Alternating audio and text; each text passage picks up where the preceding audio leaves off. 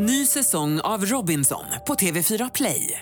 Hetta, storm, hunger. Det har hela tiden varit en kamp. Nu är det blod och tårar. Fan händer just nu. Det. är Detta är inte okej. Robinson 2024, nu fucking kör vi! Streama söndag på TV4 Play. Radio play. det alltid har varit ett mysterium för mig varför det är så jäkla strikt med könsnormer. Att eh, det, vi har de här boxarna liksom som vi absolut måste passa in i och det går liksom inte att ta sig ur. Eh, så det var väl kanske när jag var 16 som jag på riktigt började fundera kring, kring min egen könsidentitet. Och eh, till en början så trodde jag nästan att jag var trans. Sen när jag väl hörde talas om att den kunde vara icke-binär så bara kändes det, det är exakt det jag har liksom sökt efter. Hej Anton! Hej Tobias! Välkommen hem från Berlin ska jag säga också. Ja, men tack så mycket. Landade precis idag och jag är så trött faktiskt. Exakt, det är lite jetlaggad fast det är ändå ingen tidsskillnad. Ja, lite så faktiskt. Ja. Välkommen till dig också som lyssnar på Regnbågsliv, tack för att du gör det. Vi släpper ju nytt avsnitt varje torsdag och snackar om allt under regnbågen. Och eh, innan vi ska snacka om det vi ska snacka om, vill du säga någonting mer om Berlin och din resa? För jag pratade ju så mycket förra veckan om min kryssning till Lettland. Gjorde du någonting HBTQ-betonat? Absolut, eh, det försöker jag alltid göra på resor. Eh, jag skulle faktiskt gå på Schwules museum. Bögmuseum? Ja, men det, det, vi hann inte med det av någon anledning. Så du gjorde ingenting ska jag göra HBTQ-betonat? nästa, jo absolut. Jag var ute på, på några gaybarer, jag var ute på några gayklubbar. Eh, ja, vad mer? Jo. Gjorde du restauranger. speciellt där eller? Ja, nej men vad? Levde. Mm. Och det kanske vi kan återkomma till. För det händer väldigt mycket spännande grejer. Ja, nej men vad kul att du är hemma igen Anton, för då kan vi egentligen sätta igång med nästa avsnitt. Ja, och det här tycker jag ska bli superspännande. För idag så har vi med oss eh, den icke-binära artisten och performern Lisette Lisette. Eller hur? Det har vi, och eh, vi tycker ju att hen ska få presentera sig själv. Så varför inte ta in Lisette direkt i studion? Hej! Hej! Hur mår du? Fantastiskt, men lite pirrig. Varför pirrig?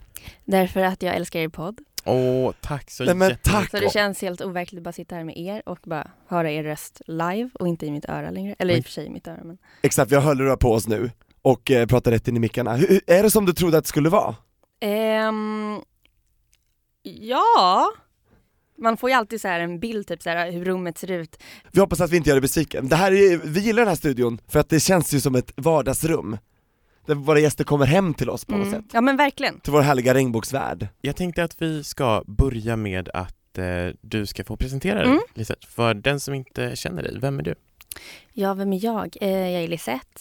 Eh, jag Lisette Lisette. Ja, jag heter Lisette, men gör musik under namnet Lisette Lisette. Eh, och är 28 och eh, bor i Stockholm. Uppvuxen här också? Ja.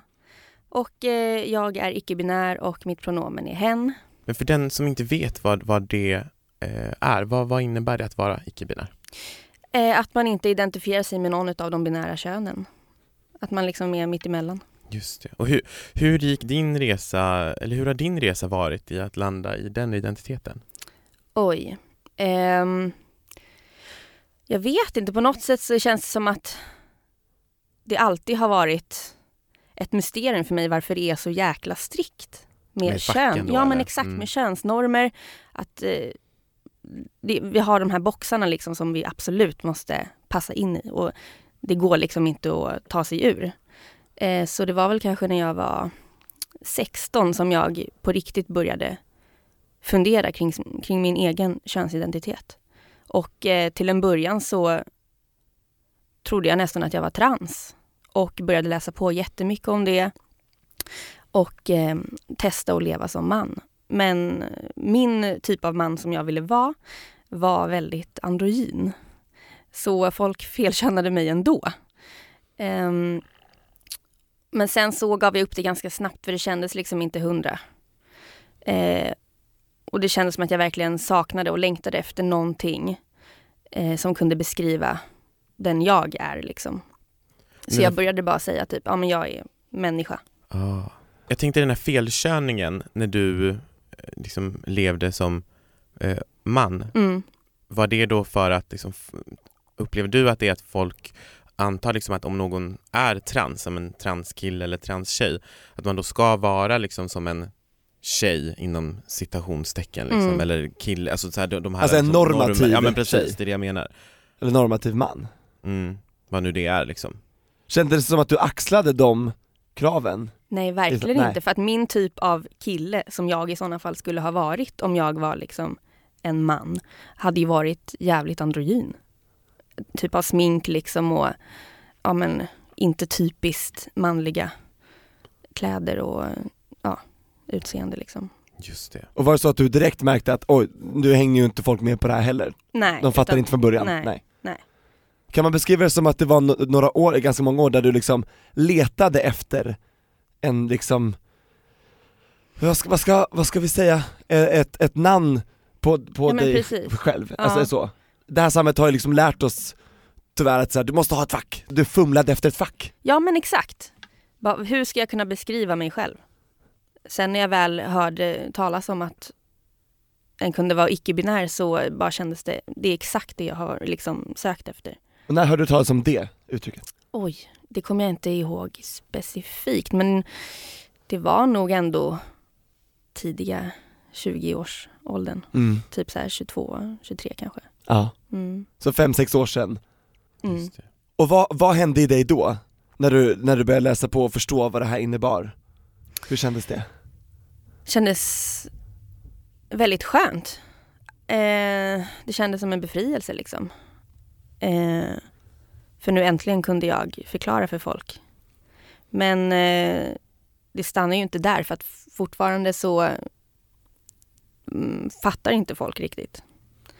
Eh, så även om jag säger så här, hej jag är icke-binär, då fortsätter folk liksom att kalla mig för hon ändå.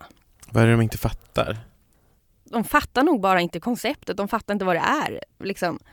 De kan inte greppa att, att det inte bara finns han och hon. Liksom. Men hur känner, hur, hur känner du när du blir felkönad? Jag blir irriterad, eh, frustrerad men, och ibland så orkar jag bara inte. Jag bara låter det, oh, fastän jag känner liksom att det bara kokar inom mig typ. Jag fattar. I vilka situationer känner du att du inte orkar och i vilka situationer känner att nu måste jag, nu säger jag någonting?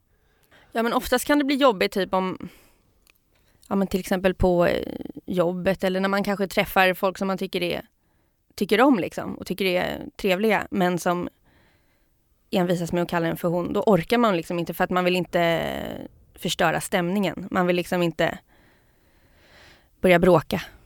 Mm. Och, det är fruktansvärt ja. att du ska behöva känna att du ska förstöra någon svälja, stämning när du Ja. faktiskt blir kränkt. Alltså Mm. det är, ju- att det ska vara på bekostnad av din Mm, integritet, det känns jättekonstigt. mm. Mm. Tycker du att det finns olika typer av felkörningar? Jag förstår vad jag menar, att liksom, Går det att märka av intentionerna från den som råkar felköna? Att det här var en olyckshändelse eller det här var nästan med flit, det här var någon slags Alltså, fientlighet? Ofta så är det bara olyckshändelser. Ofta så Mm. är det bara att folk inte vet eller inte fattat.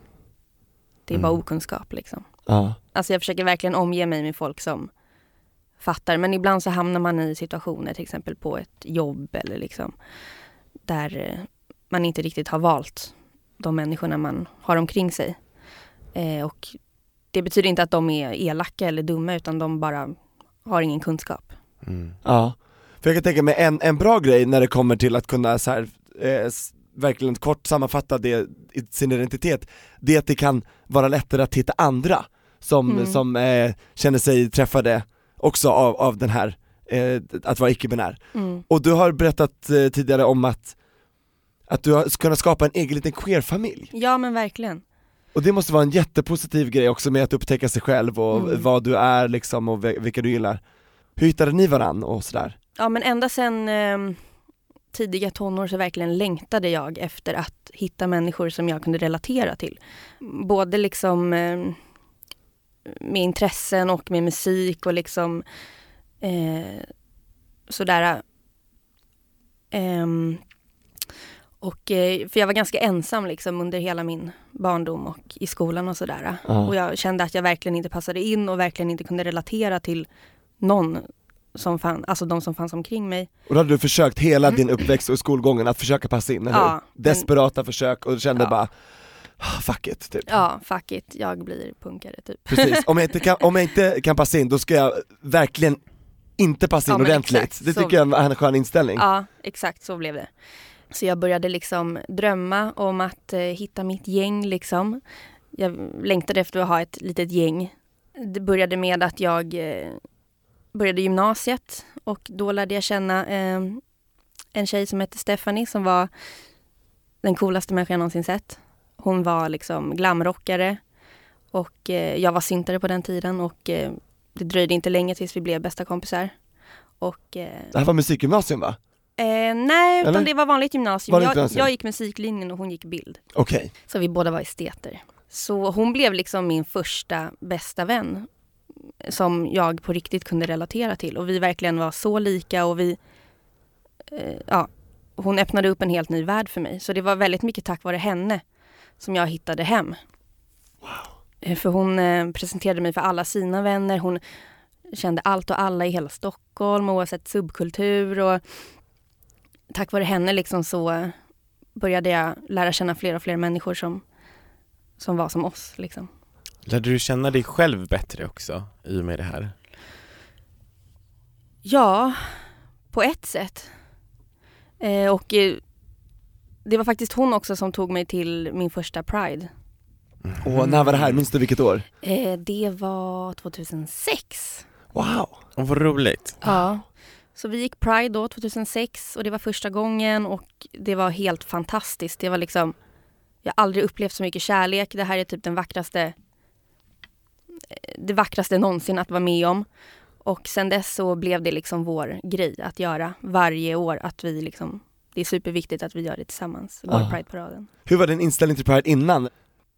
Jag hade väl aldrig riktigt åkt in själv och kollat eller något, något sånt liksom. Utan det var mer någonting som jag visste skedde men som jag inte så här, visste hur jag skulle kunna delta i. Precis, För du kände inte träffad av det utan du, du fortsatte att fumla efter kanske ett, eh, någon beskrivning av dig själv Ja men då, precis. ja. Ja. Men sen hittade du det med Stephanie, vad fint alltså. Mm. Att ni fick dela det tillsammans. Mm. Var det hennes första gång också? Nej, hon var ju erfaren. Ja, hon var erfaren. Hon var, ja. Hon var världsvan. Men hur, så du, och du var alltså en starten på den här queer-familjen? Ja, precis. Och hur Hon, ser den ut idag? ja, idag så eh, är den eh, bestående av massa fantastiska konstnärer och eh, performanceartister och eh, ja, folk som jag har lärt känna lite här och där liksom. Eh, bland annat min bästa kompis eh, Butcher Queen och eh, Leffy Crumblove och ja, ehm, lite olika Ja. människor. Är det så att ni det? jobbar, jobbar ni ihop eller är det också folk som du inte jobbar med eller hur ser det ut? Är det som Jo, ett härligt men- kollektiv, alla är, Jag använder mig Ja. jättemycket utav alla dem Ja. till, eh, i allt jag gör. Alltså, speciellt i mina videos så har eh, Butcher Queen och eh, Leffy Crumlove typ blivit mina musor som alltid är med. Speciellt eh, Rufus då, Butcher Queen som är med, har varit med i alla mina videos från start. wow, vilken inspirationskälla Alex. Ja, och nu ska vi fixa en eh, releasefest till mig och min kommande skiva eh, på Hus 7 i Slaktkyrkan Ah. som äger rum den 7 februari. Och då ska vi eh, försöka ha en riktig performancekväll med jättemycket konstperformance och installationer. Eh, och det ska bli en jättestor, fantastisk queerfest. Så firar ni in albumet släpps då vid midnatt Yes. den åttonde. Och så spelar jag live också, Ja. med alla mina nya låtar. Åh vad Såklart. roligt, vart ligger Slaktkyrkan? Det ligger vid Globenområdet, Mm. Söder om Stockholm då? mm. Precis. Be there. Orby Square. Exactly. Eller hur? Och redan nu på lördag ska du ju också göra eh, ett gig, eller hur? Nu den här veckan? På Backdoor. Precis, och det måste vi påminna om också i slutet av det här avsnittet en gång till, för det kan man inte säga för ofta. Backdoor nu på lördag får ett smakprov av Lisette Lisette. Jag tänkte fråga dig om Stephanie, eh, på Mm. tal om den här queer-familjen. För visst är det så att Stephanie tyvärr inte längre är med Nej. eh, liksom i, i det här livet, eller vad ska vi säga, i, i det kötsliga livet? Nej. Eh, hon eh, fick tyvärr cancer eh, 2012 och eh, I skelettet va? ja, det började med skelettcancer Ah, som mm. sen kom tillbaks till lungorna och sen kom tillbaks till hennes ben då, som det var från början. Ja det är väldigt svårt det där, det är väldigt allvarlig cancer alltså. Ja. Mm. Eh, men under den tiden så blev jag ändå tajtare än någonsin. Och eh, För hon var din prio ett. ja, verkligen. Efter allt hon har gjort för dig i ditt liv så kände du så här, du ska få all min tid som ja jag men har. verkligen. Ja. Jag har verkligen alltid känt att hon är typ den viktigaste människan i mitt liv. Och att finnas där för henne när hon går igenom något så svårt, det var verkligen superviktigt för mig. Oj, var det en utdragen process, var det ett år eller som hon, Ja, det var ett år sedan som hon gick bort. Och, eh, och eh, från 2012. 12, ja ända fram, och det är fem år alltså. Ja, Oj oj oj. hon hade väl korta perioder då hon liksom var typ frisk förklarad. Men det dröjde tyvärr inte länge tills det kom tillbaks igen. Och då var det ny medicinering Ja, inlagd och, ja, oj oj ja. Det var supertufft. Du var ofta på sjukhus då alltså? Ja, och också väldigt mycket hemma hos henne och liksom hjälpte henne och, med saker. För att mot slutet så var hon väldigt begränsad. Hon kunde knappt gå liksom och hade syrgas och satt i rullstol och sådär. Väldigt svag och orkeslös alltså? Ja. ja. Och hade massa mediciner som hon liksom var tvungen att ta. Och, ja, så vi var ett gäng kompisar som var hemma hos henne och vi hade liksom som ett rullande schema. Och bytte av varandra och hjälpte henne med att laga mat, städa, allt möjligt. Wow, ni är verkligen som en, alltså en familj ska vara, vilken, vilken queer-familj, vilken Mm. familj alltså. Mm, Vad fint, ställer upp så här, helt villkorslöst bara. mm, Och tänk om alla hade sådana människor i sina liv, mm. som ställde upp så Ja. för en. Verkligen. Och vilken orättvis sjukdom Ja. det är det här med cancer. Kunde ni känna igen henne i slutet? Eller var det så att Stephanie tynade bort, eller hur var det liksom? Alltså jag, jag vet inte, på något sätt så när man träffar en människa så ofta så det blir som att allt blir ju vardag liksom. Man börjar vänja sig vid, vid det nya hela tiden. Men det är klart att hon var väldigt svag mot slutet. Och eh, jag var också den sista utav oss som fick se henne i livet innan hon åkte in eh, på akuten sista gången. Hur, hur var ert sista möte? Eh, det var en morgon när hon eh, vaknade och inte kunde andas så vi var tvungna att ringa ambulansen på en gång. Och hennes mamma kom dit också. Så eh, för de in henne i ambulansen liksom och så står jag där och bara ser henne åka in där. Okej. Och hon liksom vinkar och säger liksom tack för allt. Stephanie och sen så stängs dörren. Ja. Liksom. Så, ja. Det är ju som en film alltså. ja, väldigt dramatiskt. Oj. Men man visste ju aldrig heller när det väl skulle ske liksom. Alltså hon hade lika gärna kunnat bli bättre och komma tillbaks också. Men det blev ett väldigt dramatiskt, men också fint, sista hejdå. Ja. Mm. Hur gammal blev Stephanie? Hon envisades faktiskt med att fylla 28 för hon dog dagen efter sin eh, 28-årsdag. Wow. Den, fredag den 13 också. Väldigt typiskt henne. Mm. Ja, Mm. bara för att liksom. Ja, Vila i frid vill jag verkligen säga, Ja. och beklagar verkligen förlusten. ja. Och det kanske låter lite flummigt men det känns verkligen som att jag eh, har en spion på andra sidan nu. För att hon verkligen hjälper mig med massa saker. Nu, det känns som att jag kan typ be henne om vad som helst och de mest sjuka mirakel uppstår. Och har du något exempel? behöver. Vad häftigt det här låter. Ja, det sjukaste var nog när jag och min partner skulle åka till eh, Peru tidigt en morgon. Eh, Just det, för din mamma är peruan. Ja, precis. Just det. Mm. Så du har släkt där och, Ja, precis. Såklart. Vi skulle Mm. åka dit första gången som min partner skulle få följa med och träffa min mormor. Och så skulle vi upp jättetidigt på morgonen och tog bussen till Odenplan. Eh, och när vi kliver av vid Odenplan där vi hade tänkt ta pendeln till Arlanda så upptäcker jag att jag har glömt min väska med pass och nycklar och hela skiten på bussen. Det upptäcker jag när vi står nere vid perrongen nej. och jag verkligen panikar. Typ springer upp till tjejen i, vid spärrarna och bara eh, vet inte vad jag säger, massa osammanhängande saker. Och hon ringer någon s- kundservice typ och ja.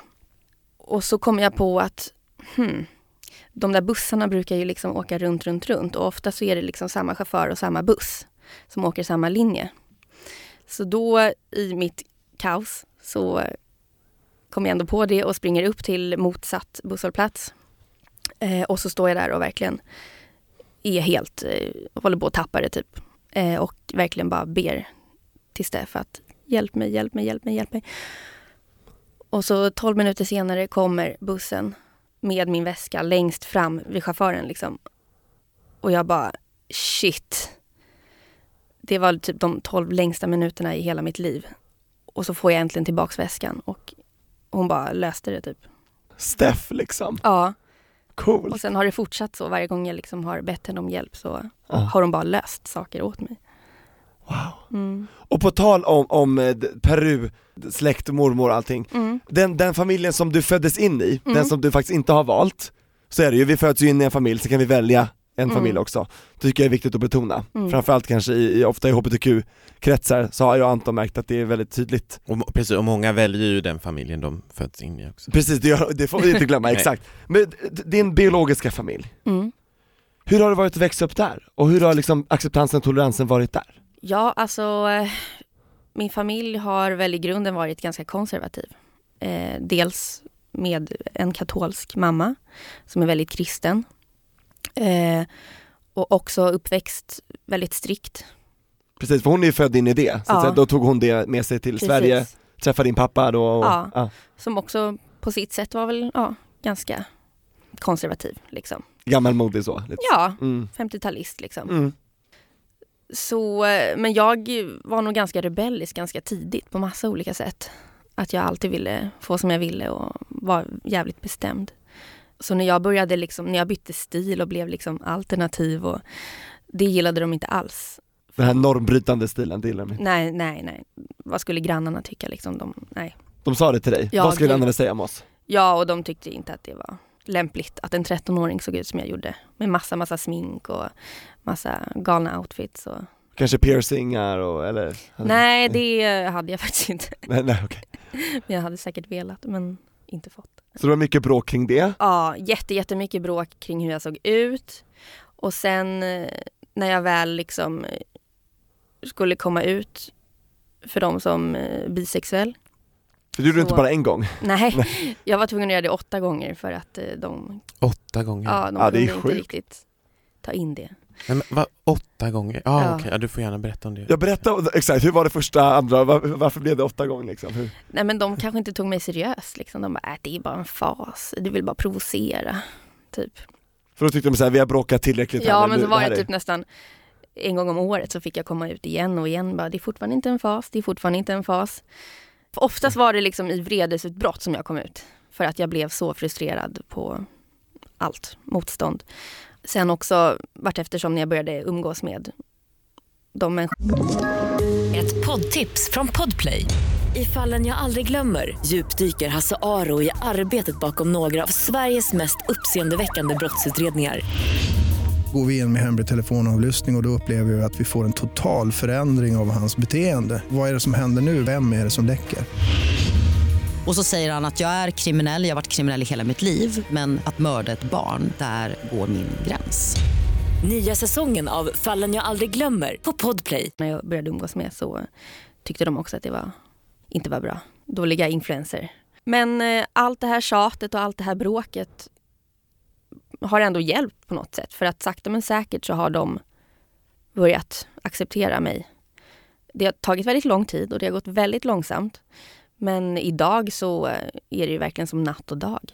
De har verkligen accepterat både mig och mina vänner och min livsstil, att jag håller på med musik.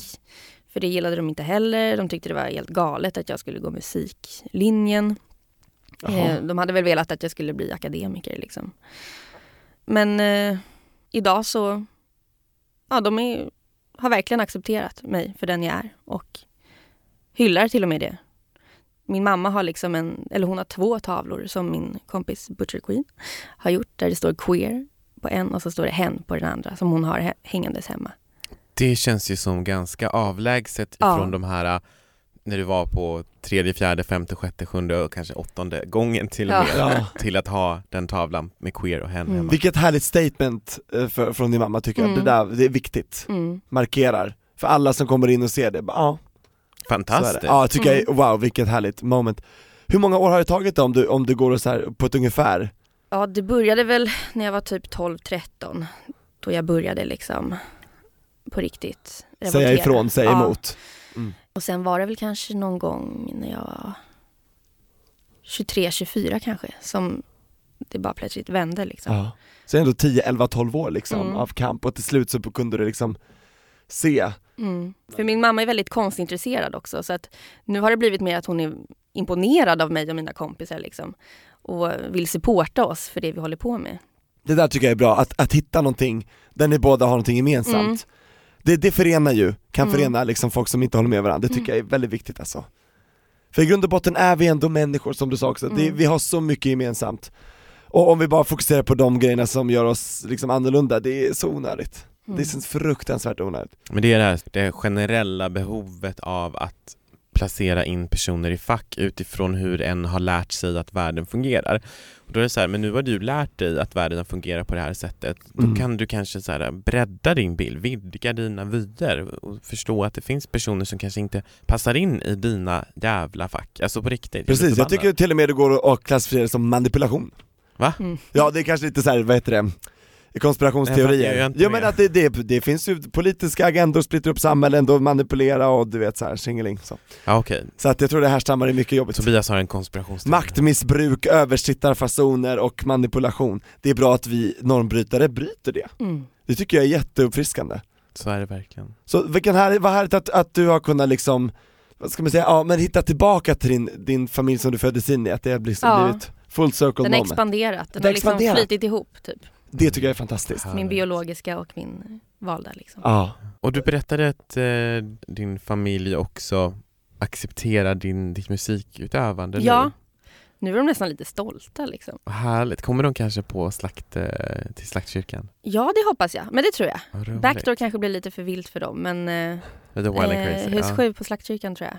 Kan För då är det verkligen din kväll bara. Ja, Så. och mina kompisar liksom. Just det. Mm. För det är också viktigt, för det är också en stor del av din identitet. Mm. Förutom ditt pronomen och eh, liksom att icke-binära så är ju din, ditt artisteri. Mm. För det är som ett utlopp där du verkligen får uttrycka allting du känner och, Mm. eller det är en jätteviktig del av dig, Lisette Lisette. så. Mm. Det är liksom en eh, förlängning av den jag är. Det är liksom alla mina känslor satta med ljud och bild. Liksom. Och det har under hela min uppväxt varit en flykt och en tröst att eh, kunna skriva låtar och skapa musik. Men då vågar du inte framföra det, Nej, då var du för gud. blyg för det. Ja, jag var superblyg. Och det kan ingen klandra en för liksom, det är klart jag var, många är ju blyga Ja. när de är i den åldern, det är väldigt känsligt. Mm. Hur kom det sig att du sen tog steget att börja våga uppträda och sen satsa på artisteriet? Alltså det hade ju varit en jättelång dröm sen jag var jätte, jätteliten. Jag har aldrig varit rädd för att slänga mig ut, även om jag har varit livrädd. Så jag bara slängde mig ut, ansökte om att liksom komma in på musiklinjen. Eh, och så gjorde jag det. Och det var då jag blommade ut. För då kände att nej, men jag har någonting här ändå, som jag inte får kasta bort. Ja, jag måste våga satsa liksom. Det här är min dröm. Mm. Jag måste ta ett steg mot min dröm. Och du har inte ångrat dig en dag kan jag gissa sen dess? Nej. Nej. Och om du ska beskriva din musik då? För jag har liksom lyssnat lite grann på den och eh, om du sätter lite ord på, på den, hur Mm. den är liksom? Ja, den har ju låtit lite annorlunda genom åren men eh, den har väl alltid varit elektronisk och eh, jag försöker alltid inspireras av eh, oväntade saker. Saker som folk har glömt bort. Eh, och sen liksom eh, blanda det med någonting helt annat. Alltså det raka motsatsen. Till exempel eh, nu eh, inför min senaste, eller för min kommande skiva så har jag inspirerats av Enya och eh, satt ihop det med lite tyngre liksom dansbeats. Så jag brukar säga att det låter som om Enya skulle gå på Berghain. Anton Gille Berghain, på tal om Ja. Berlin och Tyskland. Ja, Det är en jag- väldigt liksom tysk eh, Berlinig klubb, eller vad ska man säga? Ja, det är det. Typiskt för Berlin, ja den ligger ju där. Mm. Men vad kul, har du varit på Berghain också? Nej, jag har inte ens varit i Berlin. Vill du dit? Eh, ja, och alla har tjatat på mig i alla år. Du måste åka till Berlin, du måste Ja. åka till Berlin, du skulle älska Berlin. Eh, Så varför inte? jag, jag kommer inte iväg, jag vet inte varför. För vad jag förstår så har ju du en fanbase i Tyskland, Ja, men jag har bara varit i Leipzig och spelat. nära Det eller ligger långt? två timmar ifrån Berlin. Okej. Men då kanske det blir Lisette Lisette på Berghain någon gång framöver? Ja. Ja för du ska ju på en vårturné, det är ju Ja. bestämt. Ja, Och det är ju i Sverige framför allt eller? yes, till att börja med. Till att börja med. Men jag tycker att du ska underhålla den publiken du har utomlands också. Ja. Men det är ju så, om, alltså det här med Berlin är ju liksom konstnärsscenen och performance-scenen där är, det, det är också därför jag älskar staden för det är så här det, det är sån frihet i uttrycken, alltså så här, och jag tycker den scenen börjar bli mycket bättre i Stockholm Mm. också. Men Berlin, de har kommit liksom så... Att vi har anammat Ja, men den. typ så här, man kan gå ut och promenera på gatan, sen en park och sen är det typ en, en så här äh, ett mänskligt konstverk som de typ gör där med typ någon så här brännbollsmatch, man bara spelar om brännboll, bara nej det är ett så här konstverk typ. Alltså det, det är så här fritt, jag vet inte, Wow, det låter lite luddigt och och- flummigt sen när ja. jag berättar det kanske. Ja, alltså I love it. Så Anton, hur tror du att Be- Berlin och Berghain och, och tyska publiken skulle ta emot Lisette Lisette? Jag kan bara säga så här, jag hade älskat att gå på Berghain med Enya. Så det låter ju fantastiskt. Ja, alltså, Nu- nu- jag är ju ingen Lisette gör det möjligt. jag är ingen recensent, men jag är verkligen spänd på att få höra. Ja, det måste hända snart. Ja. Alltså. Måste ta, ta tag i det. Det ser vi till. Mm. Men det, du har mycket spännande som händer framöver också ju. Eh, det här med skivsläppet, och skivan heter ju Non, säger man Non? Non. En och en stavas det, Ja, non som i Non. non-binary liksom. fattar. Mhm. Non. Mm. Så det är inte nan som i... Nunna. Nej. Nej för det hade varit U, men jag tänkte om det var på franska, non. Men det var, Jaha, jag tänkte okej. så, ja tänkte jag, men kanske var lite overkill. Du tänkte outside of the box. Jag försökte tänka som så oväntat, det tycker jag är väldigt spännande, när det inte är förutsägbart, när det Ja, är oförutsägbart. Mm. Men skulle du säga att musiken liksom är tung, är den lätt? Alltså vad är det för känslor när man... När Alltså jag älskar att kombinera de två grejerna. Ja. Och det är därför liksom jag har tagit Berghain och Enya. Ja. För jag älskar att liksom använda mig av eh, luftiga, lätta syntar och pads. Och sen blanda ihop det med en jättetung bas och kick. Det låter väldigt coolt, Mm. måste jag säga. Eh, och sen så släpper jag min nästa singel, Computer Game, den eh, 23 november. Så det är också nästa vecka va? Eller? Det är det, Ja.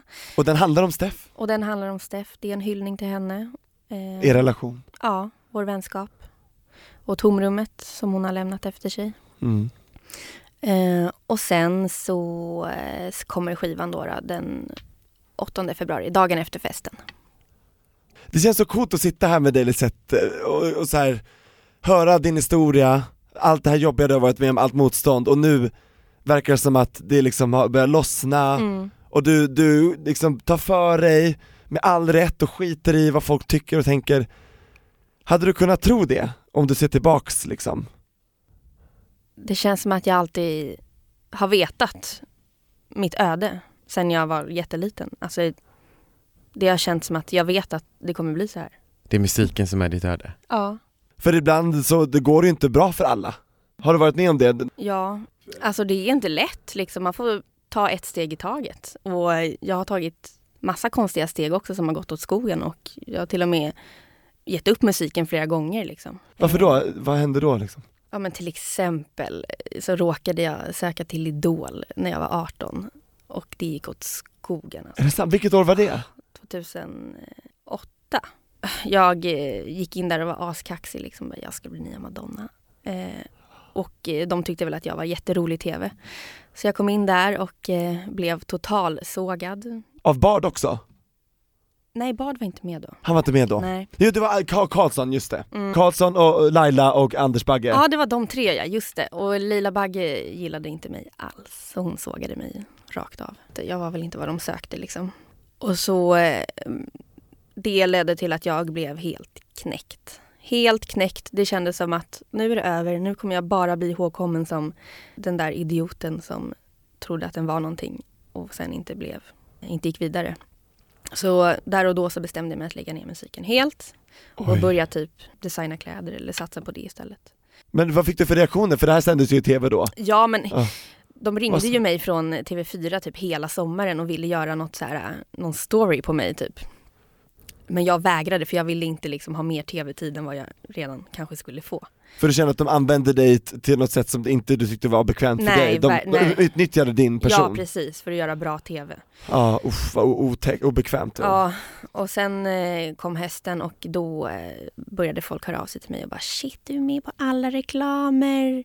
Du är med på TV, du är med på MSN-reklamer, du är med på radio. Och då, de hade klippt ihop mig som att jag sög liksom. Ah. Som att jag var tondöv. Så det var Fy fan vad taskigt. skitjobbigt. Alltså det är ju förnedrings-tv i sitt värsta Mm, slag. mm. Usch. Men eh, där under sommaren så hade en eh, person hört av sig till mig och som jag hade sett upp till ganska länge under mina tonår. Som precis hade startat upp ett band och eh, han frågade ifall jag ville vara med och sjunga och spela synt. Och då kändes det verkligen som att musiken drog mig tillbaka liksom. Den ville inte ge upp på mig fastän jag hade gett upp på musiken. Gud vad bra, för jag tror att det är jättemånga som har den föreställningen att, att så här, men Idol ska vara så brett, men jag tror faktiskt Mm. att Idol är väldigt smalt. Ja men nu, idag är jag så jäkla glad att jag Eller inte gick vidare. Alltså, oh, phew. För tänk om de hade försökt stöpa om dig, då Åh, hade inte Gud. du varit Lisette Lisette idag som har den här alternativa Enya Berghain Ja, musik, eller hur? det hade absolut inte varit rätt för mig. Precis. Absolut inte. Så de besparar dig kanske massa tid, synd bara att du gjorde det på så fult sätt så att du var tvungen att må dåligt över det, det hade kunnat undvikas Ja. liksom, känner jag jag. fick lära mig den läxan. Bra Lisette att du inte gav upp, alltså åh, Ja, och starkt att komma tillbaka. absolut. Och, desto starkare. och våran tid börjar ju tyvärr ta slut Nej är det sant? Ja, men vi, innan vi lämnar varandra för idag så tycker jag vi ska öppna ett paket. Vi har fått en present från dig. Nej men gud, Yes, jag tog med mig en liten present och vad här. fint, det är alla regnbågens färger. Ska, Anton ska du eller jag? Eh, jag, jag öppnar rosetten så får du öppna paketet då. Okej vad fint, vi får öppna någonting var. um, det är en jättefint paket här med en rosett. Oj, ska vi se. Det är superfint inslaget. Åh vad fin, nu ska vi se. Ja, nu har jag sett. Nu får du säga Tobias. Men Och förklara vad du ser. Okej, ska jag beskriva här nu för, Ja. för våra poddlyssnare? Oh my god, på tal om ljud. Här har vi det. Är det singeln jag ser? Nej, det där är min förra skiva, Queer Body. Anton, det här är fantastiskt. Vi har fått varsin skiva av Queer Body. Och kolla här. Det är klädesplagg. Nej men gud! Har du egna tröjor också? Yes. Titta, det är Lisette Lisette t-shirt Anton. Åh vad nice. Och det är ditt ansikte på, det är precis Ja. samma ansikte som på skivan, första Yes. skivan. Och sen står det Queer Body på.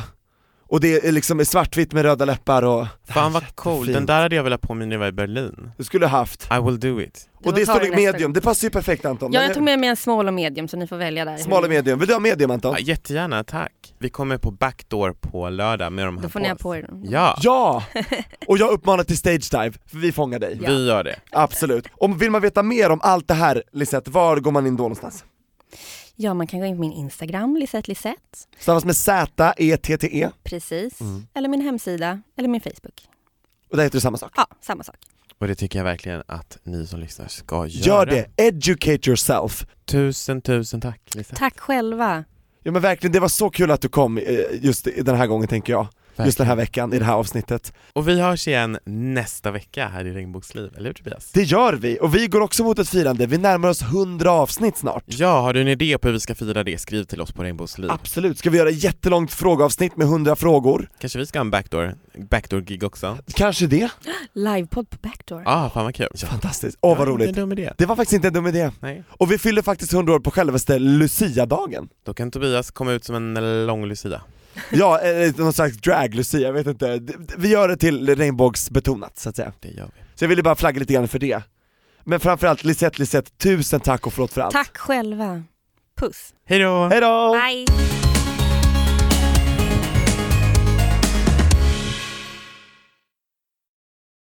Ny säsong av Robinson på TV4 Play. Hetta, storm, hunger. Det har hela tiden varit en kamp. Nu är det blod och tårar. liksom. Fan händer just nu. Det. är Detta är inte okej. Robinson 2024, nu fucking kör vi! Streama söndag på TV4 Play.